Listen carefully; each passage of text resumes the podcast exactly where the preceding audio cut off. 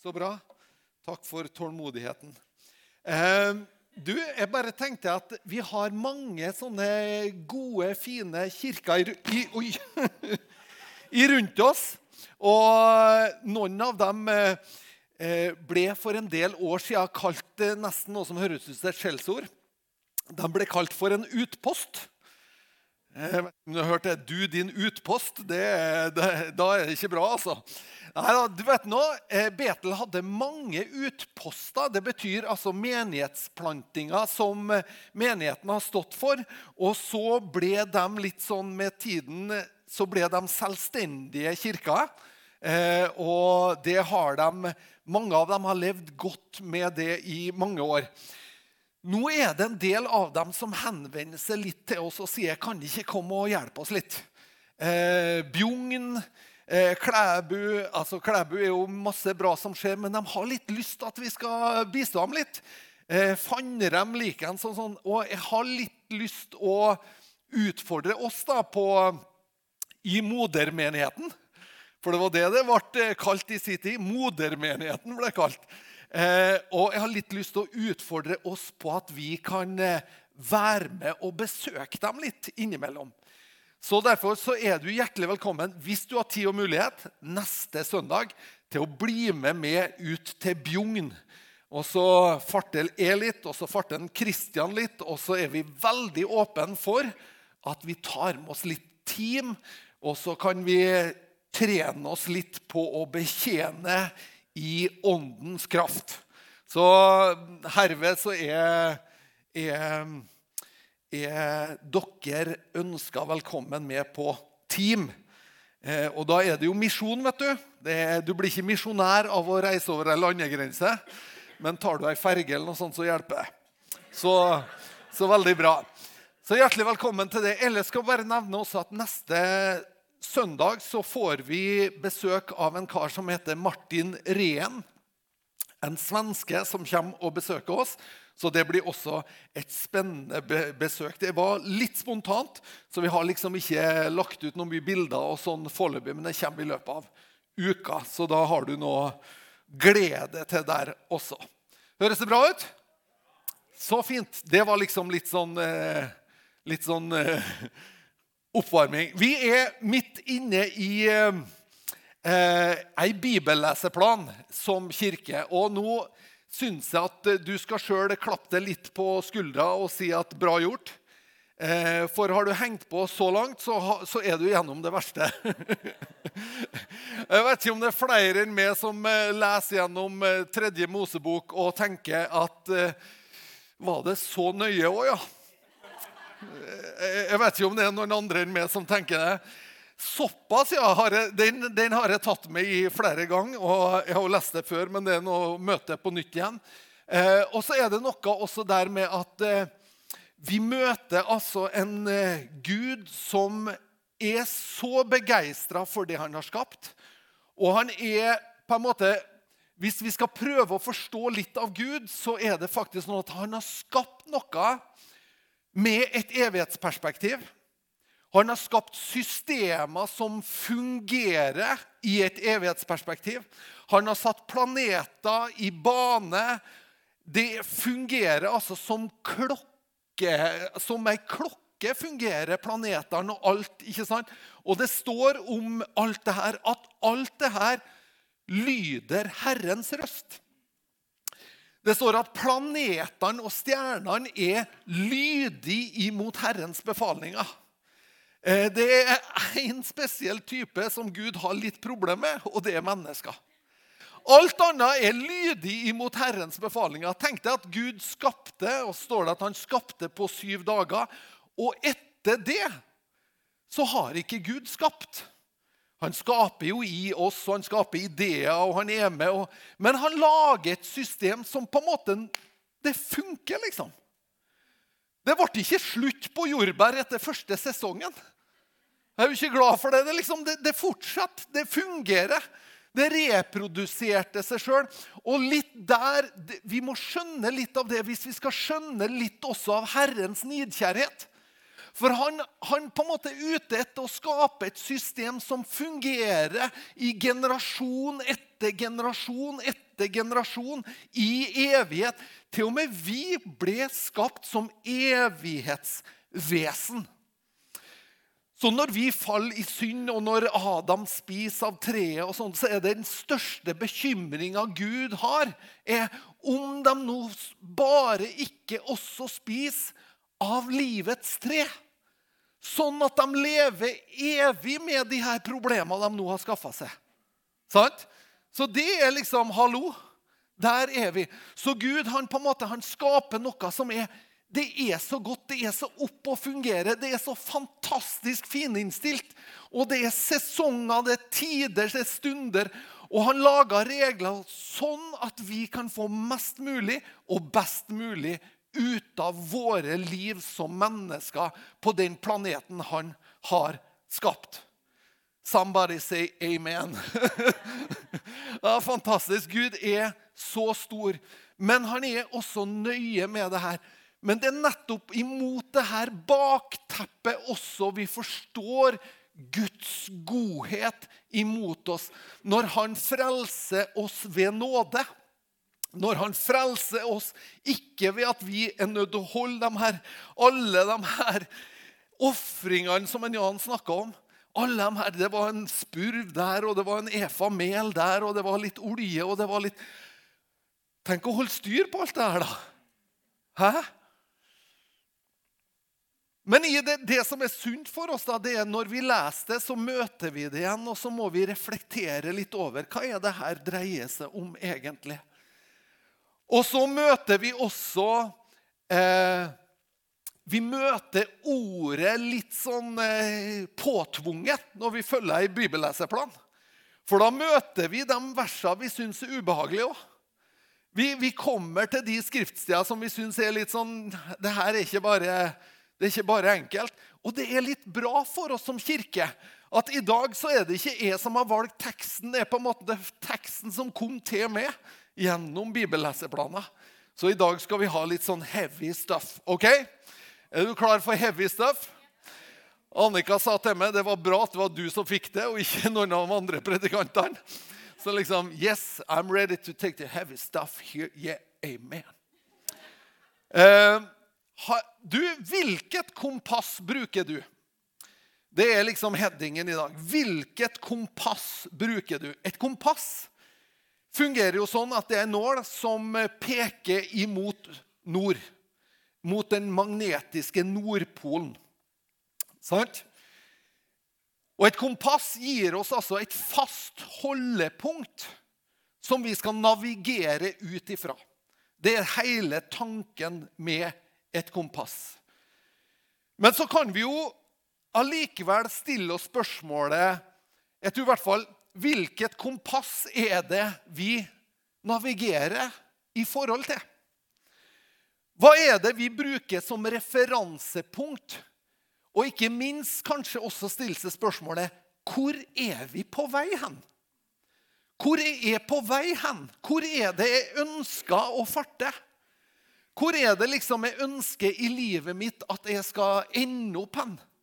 Er det sånn at uh, denne reisa jeg er på, er det hele målet? Eller har jeg et annet mål i sikte? Har jeg noe jeg på en måte skuer fram imot og tenker dit er det jeg skal? Og derfor er det og det og det viktig.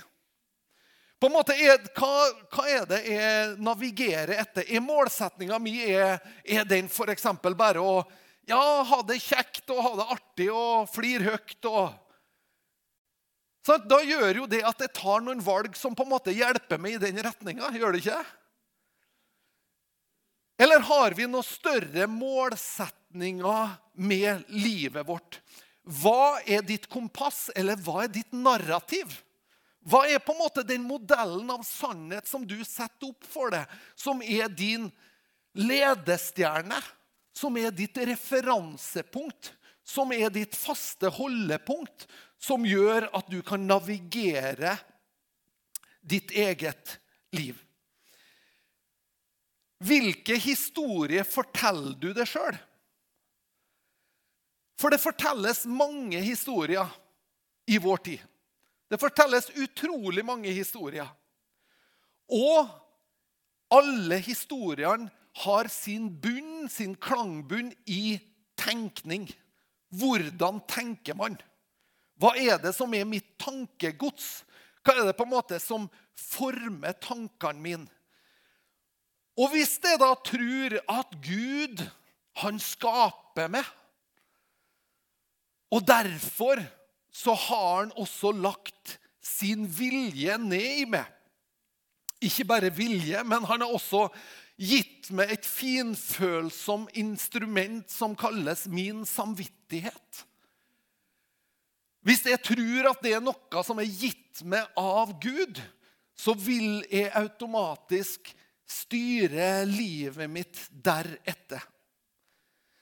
Om jeg derimot tror at eh, min samvittighet er et resultat av ytre påvirkning, av på en måte noen modeller som er satt opp for meg, noen eksempler som er gitt meg, og som kulturelt har forma meg, da blir det viktig for meg å frigjøre meg fra de her modellene, sånn at jeg kan leve fullt og helt som menneske. Ikke være begrensa. Så dette er to ganske forskjellige utgangspunkt for å angripe livet. Og det er viktig for oss hva er det vi holder for sant. For holder vi noe for sant, da gir det retning på livet vår. Da gir det oss på en måte den retningen retninga vi skal gå i. Og når vi nå har lest gjennom Mosebøkene og holdt på der, og så får, får vi de ti bud, og, og, så møter vi det her sånn Du skal ikke stjele. Bare et praktisk spørsmål. Hvor mange har fått en mail i løpet av den siste måneden der du har fått beskjed om at du har vunnet en iPhone? Sant? Sant? Altså, Vi får hele tida mailer som på, på, en måte forteller oss at du har vunnet noe, eller du er, du er liksom premie hit og dit. Som er da spam. Som er i utgangspunktet ute etter å narre det for å få tak i pengene dine. Det vil si noe som går imot de ti bud. Gud sier vi skal ikke stjele. Han gjør det som en ordning for alle mennesker. Sånn at vi skal ha det godt sammen.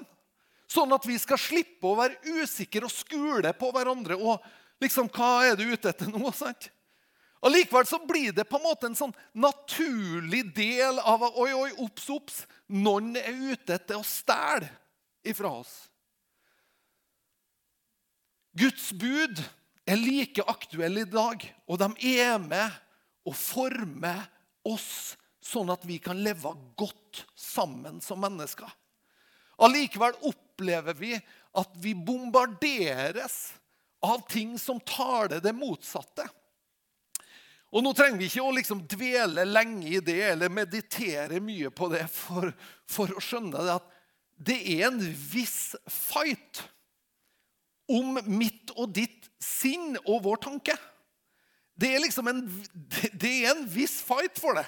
Det er mange som vil ha din oppmerksomhet. Det er mange som vil tale med sin røst til oss og si 'Hallo, det her er veien'. Det her er veien. Her blir du salig. Her blir du lykkelig. Her kommer til å oppfylle det. Det her kommer til å realisere det. Og så er det viktig for oss å stille oss dette spørsmålet hvem ønsker vi at tar det til oss? Hvem ønsker vi at påvirker oss? Vi har vært gjennom eh, Matteusevangeliet også. og Der møter vi disse historiene. Og Som utgangspunkt for denne litt sånn røffe samtalen jeg har lyst til å ha med deg, så har jeg lyst til at vi begynner i Matteus, det syvende kapittelet fra vers 1. Døm ikke for at dere ikke skal bli dømt. For med den dommen dere dømmer, skal dere selv bli dømt. Og med det målet dere måler opp med, skal det bli målt tilbake til dere. Hvorfor ser du flisen i din brors øye, men merker ikke bjelken i ditt eget øye? Eller hvordan kan du si til min, din bror, la meg ta flisen ut av øyet ditt, når det er en bjelke i ditt eget øye? Hykler! Ta først bjelken ut av ditt eget øye, så skal du se klart, så du kan ta flisen ut av din brors øye. Bibelen advarer oss om at vi ikke skal dømme andre mennesker. Allikevel sier Bibelen også, gir oss et klart budskap på visse kriterier det kan være lurt å følge. Så den, på en måte, den, den skaper et rom der du og jeg faktisk må ta noen beslutninger. Vi må ta noen valg og noen beslutninger. Men vi kan ikke gjøre dem på en sånn måte at du og jeg blir sjølrettferdig, og at vi skaper oss på en måte sjøl noen holdninger av at vi har det. Vi har forstått det. Vi må gjøre det med ydmykhet og si det her tar jeg imot. Jeg lar det forme livet mitt, men det gjør meg ikke til et bedre menneske enn andre. Det gir meg ikke noe forrang for andre mennesker. Det bare åpner opp livet mitt når jeg tar det imot. Så Guds målsetning med å frelse det og meg er ikke til å gjøre oss til noen besserwissere eller noen som kan peke finger til andre. Nei, Bibelen advarer sterkt imot det. Bibelen advarer så sterkt at den sier at det skal vi ikke gjøre. Da har vi misforstått hele tegninga. Men allikevel ønsker Bibelen å være med og gi oss noen rettesnorer peke noen linjer for oss. Og det er faktisk sånn også at Vi trenger å vite det at i vår tid så gjelder også det her som står i vers 13 og 14. Gå inn gjennom den trange porten. For vi er den port, og bred er den vei som fører til fortapelse. Og det er mange som går gjennom den. Men trang er den porten, og smal er den veien som fører til livet. Og det er få som finner den. Og så sier han også, ikke alle som sier til meg, Herre, Herre, skal komme inn i himmelens rike, men den som gjør min himmelske fars vilje. Så her er det på en måte, Det møter oss litt begge veiene, ordet. For det møter oss med på en måte en sånn Erlend, følg med nå. Følg med hvor du går.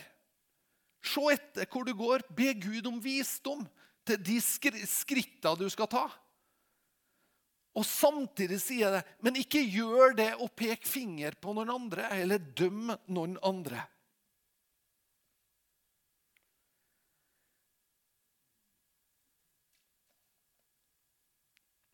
Har Jesus invitert oss inn i en feel good-klubb?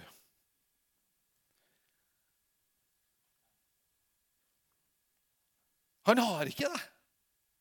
Jesus han inviterte oss ikke inn i noe som var lett og, og koselig. bare, og liksom, nå, skal, nå, har vi det alle bra her. Nå blir det stemning. Kom ba ja, synger vi. Så er alle fornøyd, liksom. Og så vugger vi litt i takt. Og, oh, koselig. Vi elsker å ha det koselig. Men det Jesus forespeila sine disipler, er noen gang ganske tøft. Fordi nettopp det at Jesus er klar over at det her er et kveksebol av tanker som på en måte vi reiser oss opp imot. Det står om tankebygninger som reiser seg opp imot kunnskapen om Gud. Så Jesus han forespeiler at han sjøl har ikke kommet for å bringe fred på jorda, men for å bringe strid. Og den striden er ikke liksom med sverd, men den striden er i tankene. Fordi at utgangspunktet vi har, og hvor vi ender opp, er så vidt forskjellig. Hvis vi tenker at Gud er vår skaper, eller om vi tenker at Gud er menneskeskapt.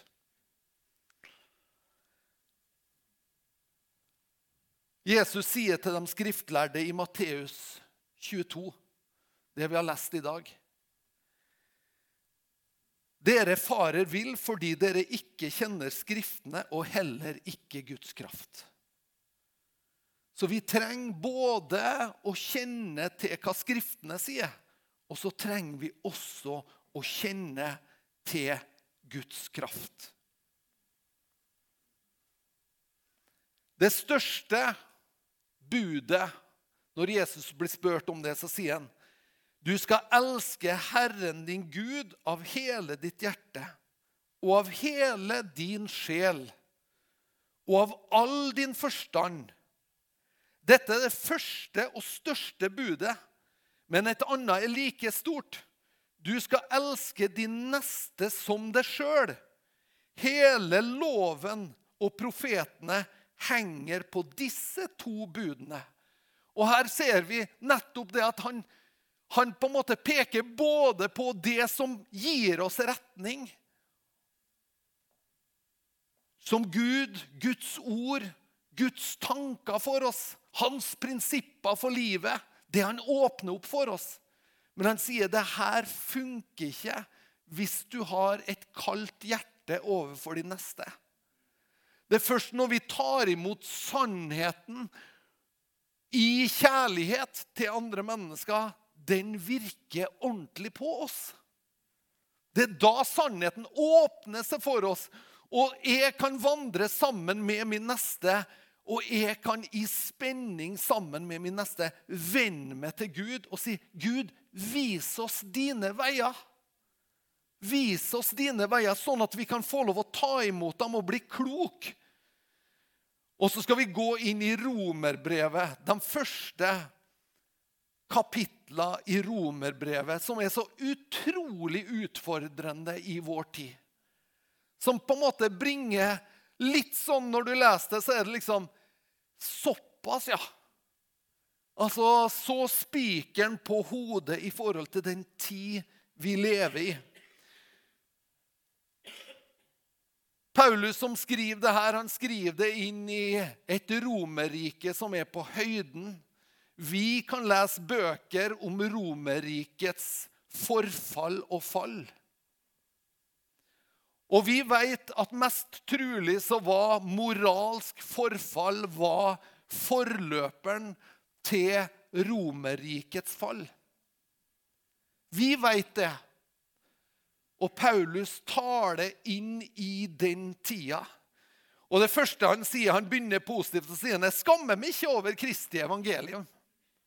Jeg skammer meg slettes ikke over det her. Jeg vet at det her går imot mye tankegods som finnes.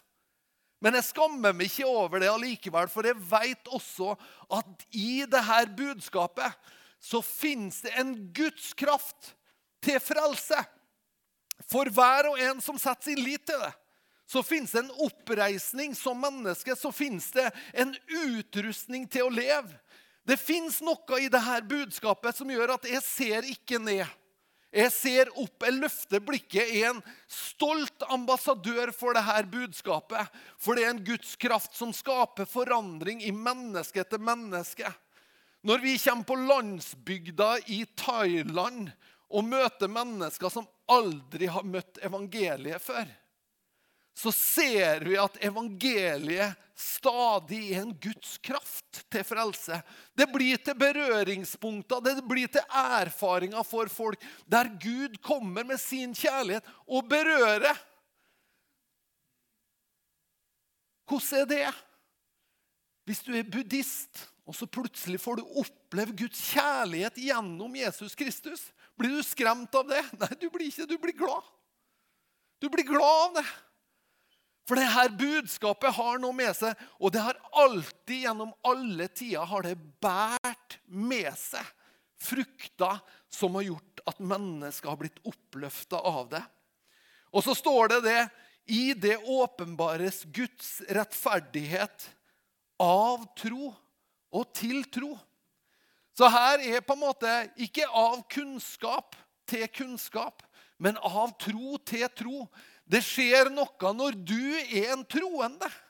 Når du lener deg fullt og helt over på det Jesus gjorde, og setter din lit og din tro til det han gjorde for deg, da skjer det noe med det budskapet du er en bærer av. Da blir det plutselig til tro for andre mennesker. Teoriene dine vil ikke frelse noen. Men den erfaringa du har gjort det med Gud, den har kraft i seg til å bringe liv til andre mennesker. Stemmer ikke det?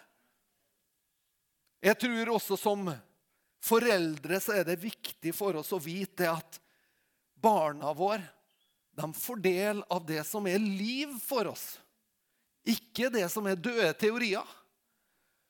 Ikke det som liksom bare er liksom, Sånn må vi si det, eller sånn må vi gjøre det. Men det som er levende for oss, det får de en del av. Ok, Vi skal gå litt videre. Og så står det her om Guds vrede i vers 18. Er du med meg? Har du Fasten your seatbelts? Ok, Skal vi gjøre en avtale at du er fortsatt glad i meg etter, etter prekena i dag? Ok? Går det fint? Ja. For Guds vrede blir åpenbart fra himmelen over all ulydighet og urettferdighet hos menneskene. De som holder sannheten nede i urettferdighet. Det en kan vite om Gud, ligger åpent for dem, for Gud har åpenbart det for dem. Altså Det vi kan vite om Gud, det ligger egentlig åpent for oss mennesker. Spørsmålet er hva vi vil forstå. Spørsmålet er hva vil vi forstå, og hva vil vi ikke forstå? For det ligger åpent for oss. Hvis vi ser inn i skaperverket, så er det så fantastisk at det ikke er sjans at det kan være til ved en tilfeldighet. Eller at det er ingen vilje bak det som er så fantastisk. Det er ikke sjans. Så egentlig så blir det et spørsmål hva vil du tro? Og så kan vi gi oss sjøl unnskyldninger for ikke å tro. Men det er mest for å gi oss sjøl ei unnskyldning. Det er mest for å si at da slipper jeg i hvert fall å forholde meg til det Gud sier. For så fort jeg erkjenner at det må finnes en skaper, da må jeg også automatisk erkjenne hvis han har noe han skulle ha sagt, så må jeg innrette meg etter det. Og der er striden. Mye mer enn striden er egentlig om logikken i rundt. Og når Bibelen sier at dåren sier i sitt hjerte det finnes ingen Gud Sant? Litt slemt sagt. Men litt sånn dåren sier altså Da er det jo for at Gud mener at å komme til den konklusjonen, det er dåraktig. Hvis du ser alt det skapte, alt som er rundt det Du ser liksom, du, du skjærer det i fingeren, og fingeren ordner seg, liksom. Du ser alt det fantastiske rundt deg i naturen. Alt det her. Og så kommer du til den konklusjonen at ingenting har skapt det her. Og alt kom til ut ifra ingenting. Skjønner du? altså, Det er bare det at Bibelen sier at det er en litt dåraktig konklusjon. Og det handler mange ganger også om at vi ikke ønsker å forholde oss til det Gud sier. Jeg sier at han ikke fins, for da slipper jeg å forholde meg til det han sier. Jeg slipper å forholde meg til hans ord og til hans sine forordninger. La oss kaste åket av oss. Uten visjon så blir folket tøylesløst. Vi går alle vår egen vei. Vi var som får uten hyrde, og vi gikk vår egen vei. Sant? Og det er på en måte det som er behovet vårt, et opprør. Vi var i det her. Helt siden verdens skapelse har hans usynlige egenskaper vært klart synlige. Både hans evige kraft og hans guddommelighet disse kan kjennes av de gjerningene som er gjort. Vitenskapsmenn leter i dag etter det de kaller for G-faktoren. Gudspartikkelen. De kommer så langt ned, men fortsatt så skjønner de ikke hva er det for kraft som opprettholder alt. Jo, han opprettholder alt ved sitt ord. Ved han, til han, er alle ting. Og det ligger åpent for oss hvis vi ønsker å erkjenne. Slik er de alle uten unnskyldning, står det. Det er konklusjonen til Paulus. De er alle uten unnskyldning, for det ligger åpent for oss. Og så står det videre i vers 21, 22. For selv om de kjente Gud, æret de ham ikke som Gud eller takket, men de ble tomme i sine tanker. Og deres dåraktige hjerte ble formørka. Når vi ikke erkjenner Gud, så er frukten av det at vi blir tom i tankene våre. Vi blir tom i tankene våre, og hjertet hjertet vår blir formørka. Og denne kampen snakker Bibelen om. Den snakker om denne kampen mellom det onde og det gode i våre liv. Som på en måte er en sånn dragkamp. Skal vi, skal skal vi gi etter, eller skal vi på en måte tro Guds ord? Hvor vil vi? Hva er kompasset vårt? Hva styrer vi etter? Hva er målsettinga mi? Ja, men Jeg har et kompass. Det heter 'bli populær og godt likt på jobben'. Det er kompasset mitt. Ja, men da kommer jeg til å styre etter det, da. Jeg er veldig avhengig av at alle liker meg. Det er kompasset mitt. Ja, men da tar vi noen beslutninger ut ifra det, gjør vi ikke? Sånn er det, er det med oss. Men kan vi både være livsbejaende, kan vi være positive fyrer? og samtidig tro på Guds ord? Kan vi det? Ja, for du vet nå, jeg tror faktisk det at Når vi begynner å leve ordet, når vi lever det her, så er det også en duft av liv som kommer med det. Erlend, hva er det som er annerledes med det? Hva er det som er grunnen til at det er liksom Ja, du er i pressa situasjoner, men det er liksom noe annet som kommer ut av det. Kan vi leve? Kan vi leve i fulle farger. Og samtidig leve etter Guds ord. Vet du, Jeg tror sannheten er at i alle fall vi kan leve i fulle farger. I alle fall vi kan leve livet fullt ut. Men når tankene blir formørka, så står det også at mens de gjorde krav på å være vise, så ble de bare dåraktige. Det er mange røster i vår tid som er så klok. Det er så klokt, alt. Men det er dåraktig. Fordi at Bibelen sier at ikke engang en dåre skal gå vill. Men når våre skoler underviser ungene at det fins seks kjønn, da er det noe som har gått feil en eller annen plass. Når på en måte det er følelsen av som skal definere, og ikke fakta av. Da skjønner vi at her er det noe som skjer, som vi må være våken på, som handler om tenkning, tankegods, retning. Som handler om at den seksuelle revolusjonen har på en måte kommet så langt at den med på en måte velsignelse fra samfunnet, om den er så påtvunget velsignelse i samfunnet, så er det påkrevd at den skal applauderes. Og nåde det hvis du sier noe annet. Når jeg leser Bibelen min, så står det i første kapittelet så står det at til mann og kvinne, to kjønn, skapte han dem. Sant? Det står ganske, Du skjønner, Bibelen er veldig klar og tydelig. Den, veldig, den, bringer klarhet. Og vi kan forstå det veldig klart. Ja, Det er jo bare å lese, og så skjønner du. Men det her er på en måte det som skjer med oss. Vi blir dåraktige. Vi tror vi er smart, men vi er ikke det. Og så står det videre derfor overga Gud dem også i deres hjertes lyster til urenhet. Så de vanæret kropp Eh, sine kropper med seg imellom. De byttet ut Guds sannhet med løgn. Hva som skjer når vi bytter ut sannheten med løgn? Jo, Gud gir oss noen forordninger. sånn som her, Hvis de ønsker at dette livet skal fungere, så gjør det sånn som det. Så funker livet. Sant? Da skaper det noe sunt rundt dere. Da skaper det noe som bygger langsiktig gode liv.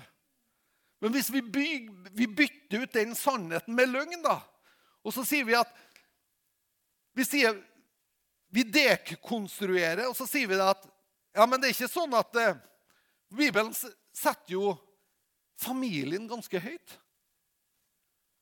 Men så dekonstruerer vi og så sier vi at familien det er et hierarki som på en måte ikke er sunt for oss. Og det er klart, Hvis det er din sannhet, så har du og jeg ganske mye vi er uenige om. Og hvis det er den sannheten som er i vår tid, da er det faktisk sånn at det er naturlig at du som en troende tenker litt annerledes enn alle andre. Er det ikke? Og vi må på en måte bevæpne oss litt og si at hallo, hva er det som skjer i et samfunn der Guds ord settes ut av kraft, og der andre ting får komme inn og være definerende og si ja, men du må jo skjønne at Emma hun føler det. Nei, jeg skjønner ikke bare det. For det er noe om at det må være noen som veileder Emma i det hun opplever òg og sier til Emma du, det er naturlig å føle sånn. Naturlig å føle sånn. og det her er ting som detter på plass litt etter hvert. Det ordner seg, det her. Men det her er sånn som det fungerer. Og så kan vi hjelpe hverandre til å la ordet få lov å veilede oss. De tilba og tjente skapningen framfor skaperen han som er lovprist i all evighet. Og hør her. Han kommer til å være lovprist i all evighet. han. Det kommer ikke til å rokkes, det. Så hvis du har liksom langt perspektiv, så er du, så er du på vinnerlaget. skjønner du. Det er bare det at det, det, det er litt sånn forvirring for tida. Sant? Men når det gjelder evigheten, så er det han som kommer til å bli lovprist i all evighet. Sånn er det. Så spørsmålet er hvor skal vi hen? Hvor er vi på vei, og hva, hva, har vi tenkt å gjøre med det? Hvor har vi kompasset vårt? Hvem er det som er ledestjerna vår? Jo, derfor overga Gud dem til æresløse lidenskaper. For til og med deres kvinner byttet ut det naturlige samfunnet med et som er i strid med naturen. Det samme gjorde også mennene. De forlot det naturlige samlivet med kvinnen og ble opptent i sitt begjær etter hverandre. Så menn drev skammelig utukt med menn, og den velfortjente straffelønn for sin villfarelse fikk de på seg selv. Ettersom de ikke fant noen verdi i å kjenne Gud, overga Gud dem til et uverdig sinn. Så her er det et strekk i oss mennesker det er et strekk i menneskeheten. Det er en kamp i menneskeheten mellom det onde og det gode. Mellom det som på en måte er sant og ærbart gjennom det, det som Gud har skapt, og som han har proklamert at er godt. Det er et strekk her, og det skjer noe med menneskeheten. Det her skriver Paulus. Det er superaktuelt i hans tid. Når han skriver det, så Å, det er sikkert profetisk. Nei, det var aktuelt der og da. Så var det så tydelig og aktuelt. Men det har med at vi begynner, og så fjerner vi oss fra Gud, og så får vi tanker som på en måte fjerner seg fra Han. Og så får vi tankegods og strømninger som gjør at vi beveger oss bort ifra Guds klarhet. De er fulle av alle slags urettferdighet, og denne er jo nesten for heavy. da. Ok, Skal vi holde pusten, og så tar vi den? Altså, Nå er Guds ord jeg leser. Hvis du er sint på meg nå, så er det ikke bare meg du er sint på. ok? Men det er, det er, det er forfatteren her som, som, har noe sånne hevige Men ikke tenk at liksom noen er ute etter å peke på noen. Han bare Det her er situasjonen. Og det her er høyst gjenkjennbart i vår tid. Sant? Så han er ikke ute etter å ta det personlig nå, han er ute etter å vise deg vei, sånn at du kan få kompasset på plass. De er fulle av alle slags urettferdighet, seksuell umoral, uskjelhet, grådighet, ondskap. De er fulle av misunnelse, mord, strid, svik, falskhet. De blir ryktemakere, baktalere, gudshatere, voldsmenn, stolte skrythalser. De finner på all slags ondt. De er ulydige mot foreldre, uforstandige, upålitelige, uten naturlig kjærlighet. De vil ikke tilgi. De er ubarmhjertige. Disse kjenner Guds rettferdige dom. Og de vet at de som driver med den slags, fortjener døden. Likevel gjør de ikke bare det samme selv, men de støtter også andre som gjør det. Og Her puster vi ut av oss og sier vi ah, jeg er jo glad jeg ikke holder på med det her. I hvert fall. Og så kommer kapittel to. Og vi liksom Ja, jeg, ja skjer noe. Sant? Så gale er det. Og så tror vi at vi går fri, da. Fordi at det ikke er en horkar liksom, i utgangspunktet. Hæ? Så tenker jeg, da går jeg fri. Det er fint. Lista gjaldt ikke med. Og så sier Bibelen i, vers, i kapittel 2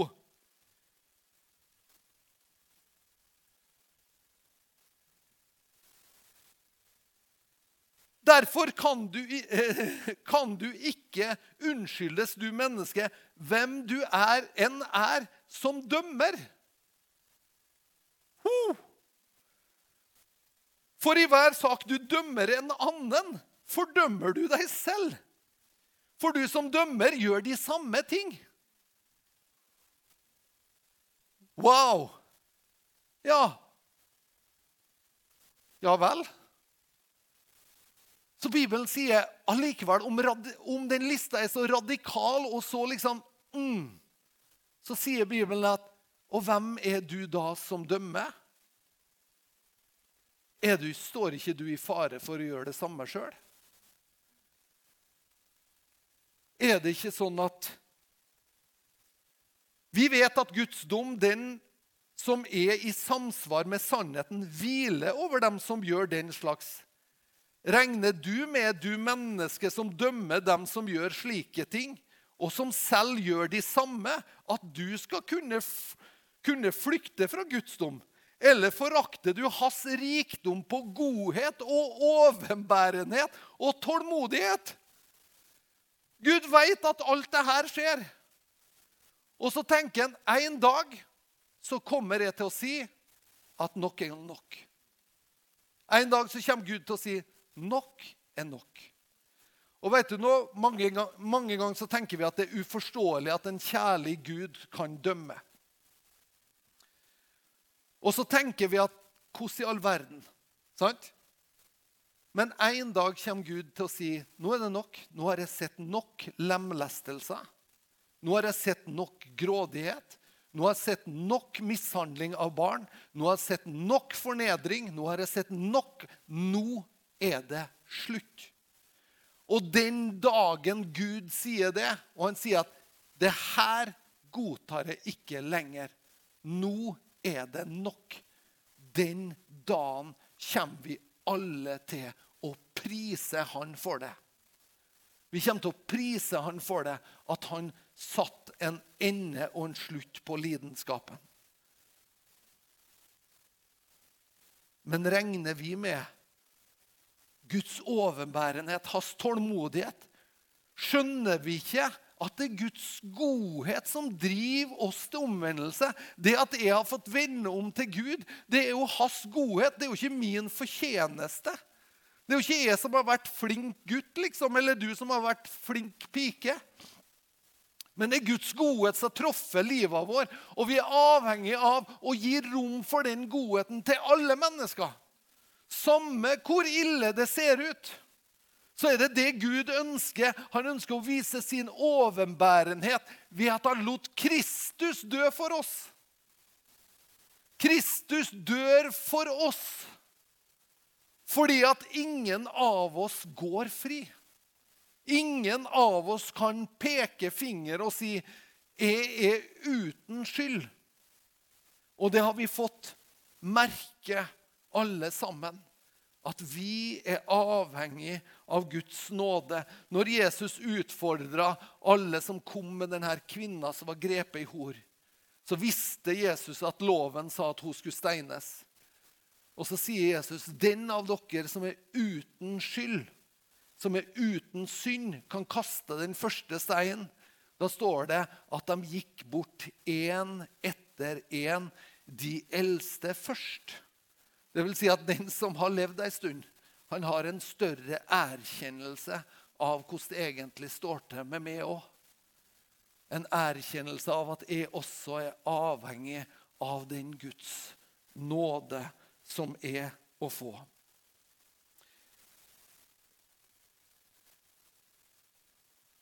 Og så står det videre om en del krevende ting.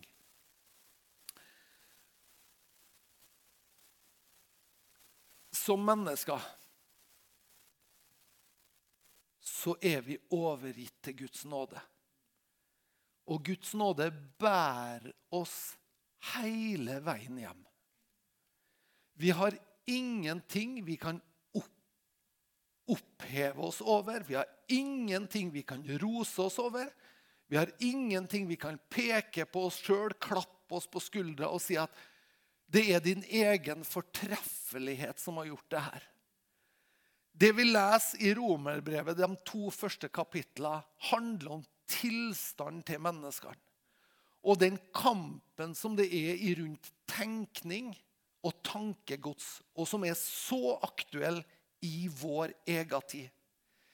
I den kampen skal vi stå tydelig på evangelisk grunn, men så rik på den Guds nåde, så rik på den frelse som har berørt oss, at vi ikke står som dommere av andre, men at vi står som veivisere til en nåde som åpner døren for mennesker.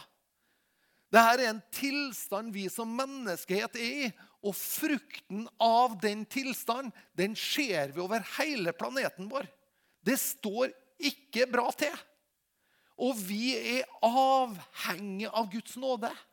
Som, som art så er vi avhengig av Guds nåde. Og du og jeg må være døråpnere som gir det rommet til den nåden. Ja, vi veit at Gud er nøye. Ja, vi veit at Gud er nidkjær. Vi veit at Gud elsker sitt skaperverk. Vi veit det. Men vi vet også at den er rik på miskunnhet. At den er tålmodig, at den er langmodig, at den holder ut. Og så kan vi si til mennesker Kom. Kom og smak. Kom og kjenn. Gud er ikke sint på deg. Han er god. Hans godhet er det som driver oss til omvendelse. Skal vi be sammen? Jeg takker deg, Herre, for din godhet imot oss mennesker. Vi forstår at det skapte ditt verk, dine henders verk. Vi forstår at du er glad i skaperverket ditt. Og så skapte du oss som krone på det skaperverket. Og så er det vi som svikter det, og så er det vi som vender det ryggen. Og så er det vi som farer vill i våre tanker, i våre sinn. Herre, vi ber om at du skal tilgi oss, og at du skal rense oss som art ifra all urettferdighet. Ja, takk at du har gjort det på Golgata. Takk at du har betalt prisen for oss, for at vi skal kunne gå fri. Og takk at vi, Herre, får lov å venne oss til det, Herre, gang på gang på gang igjen, og ta imot av den nåden du har for oss. Herre, kom til oss. Kom med din godhet til oss. Kom med din barmhjertighet til oss. Takk, Herre, at vi får lov å ta imot den frelse du har gitt oss med ydmykhet, Herre. At vi får lov å ta imot det, Herre, ikke som noe som vi har gjort oss fortjent til, men som din godhet som er strakt ut imot oss. Takk, Herre. Hjelp oss, Herre, som kirke og som troende mennesker, både å leve med kompasset etter ditt ord, Herre, men full av nåde, full av godhet imot vår neste, Herre. I Jesu Kristi navn. I Jesu Kristi navn. Jeg takker deg, far. Jeg kan komme opp med lovsangeren også. Du er kanskje her i dag også så er det noe med det her budskapet som, som treffer deg rett i mellomgulvet. Og, og du har behov for å å ta noen nye bestemmelser. Du har behov for å ta en beslutning om å enda tydeligere bli en etterfølger etter Jesus. Jeg tror at det er tid for det, å bare bestemme seg.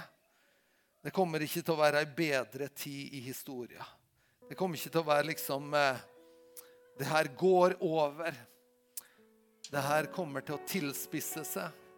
Og våre beslutninger på å følge Jesus kommer til å være enda mer avgjørende i tida som kommer. Så hvis du er her som bare kjenner at yes, jeg vil ta en beslutning Hvis vi alle sammen står opp nå, så ønsker du å ta en beslutning, så er det innenfor Gud. Du trenger ikke å rette opp noe han eller noe sånt. Men du kan ta en beslutning om at du ønsker. Og så er det ikke alltid lett å skjønne forskjellen. Det er ikke alltid sånn at det er lett valg, det å følge Han. Det er ikke sånn at det er bare plankekjøring, så går det automatisk.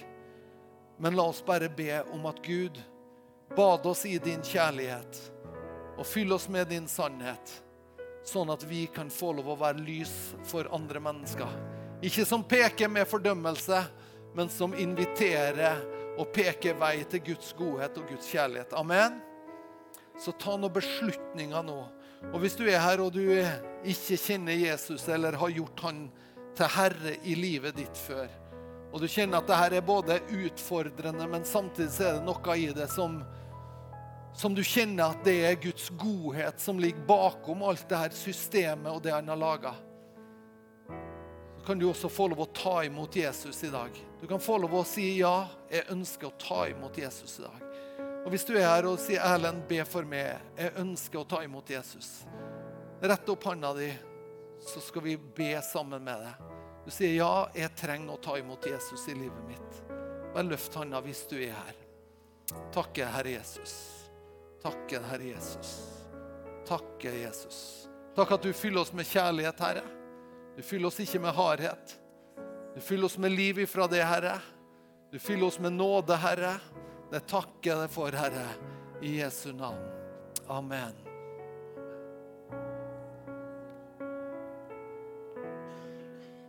Hei, og takk for at du har sett på eh, en tale fra Betel Trondheim. Nå kanskje du sitter igjen med spørsmål og et behov for å snakke med noen. Da er du hjertelig velkommen til å ta kontakt med oss.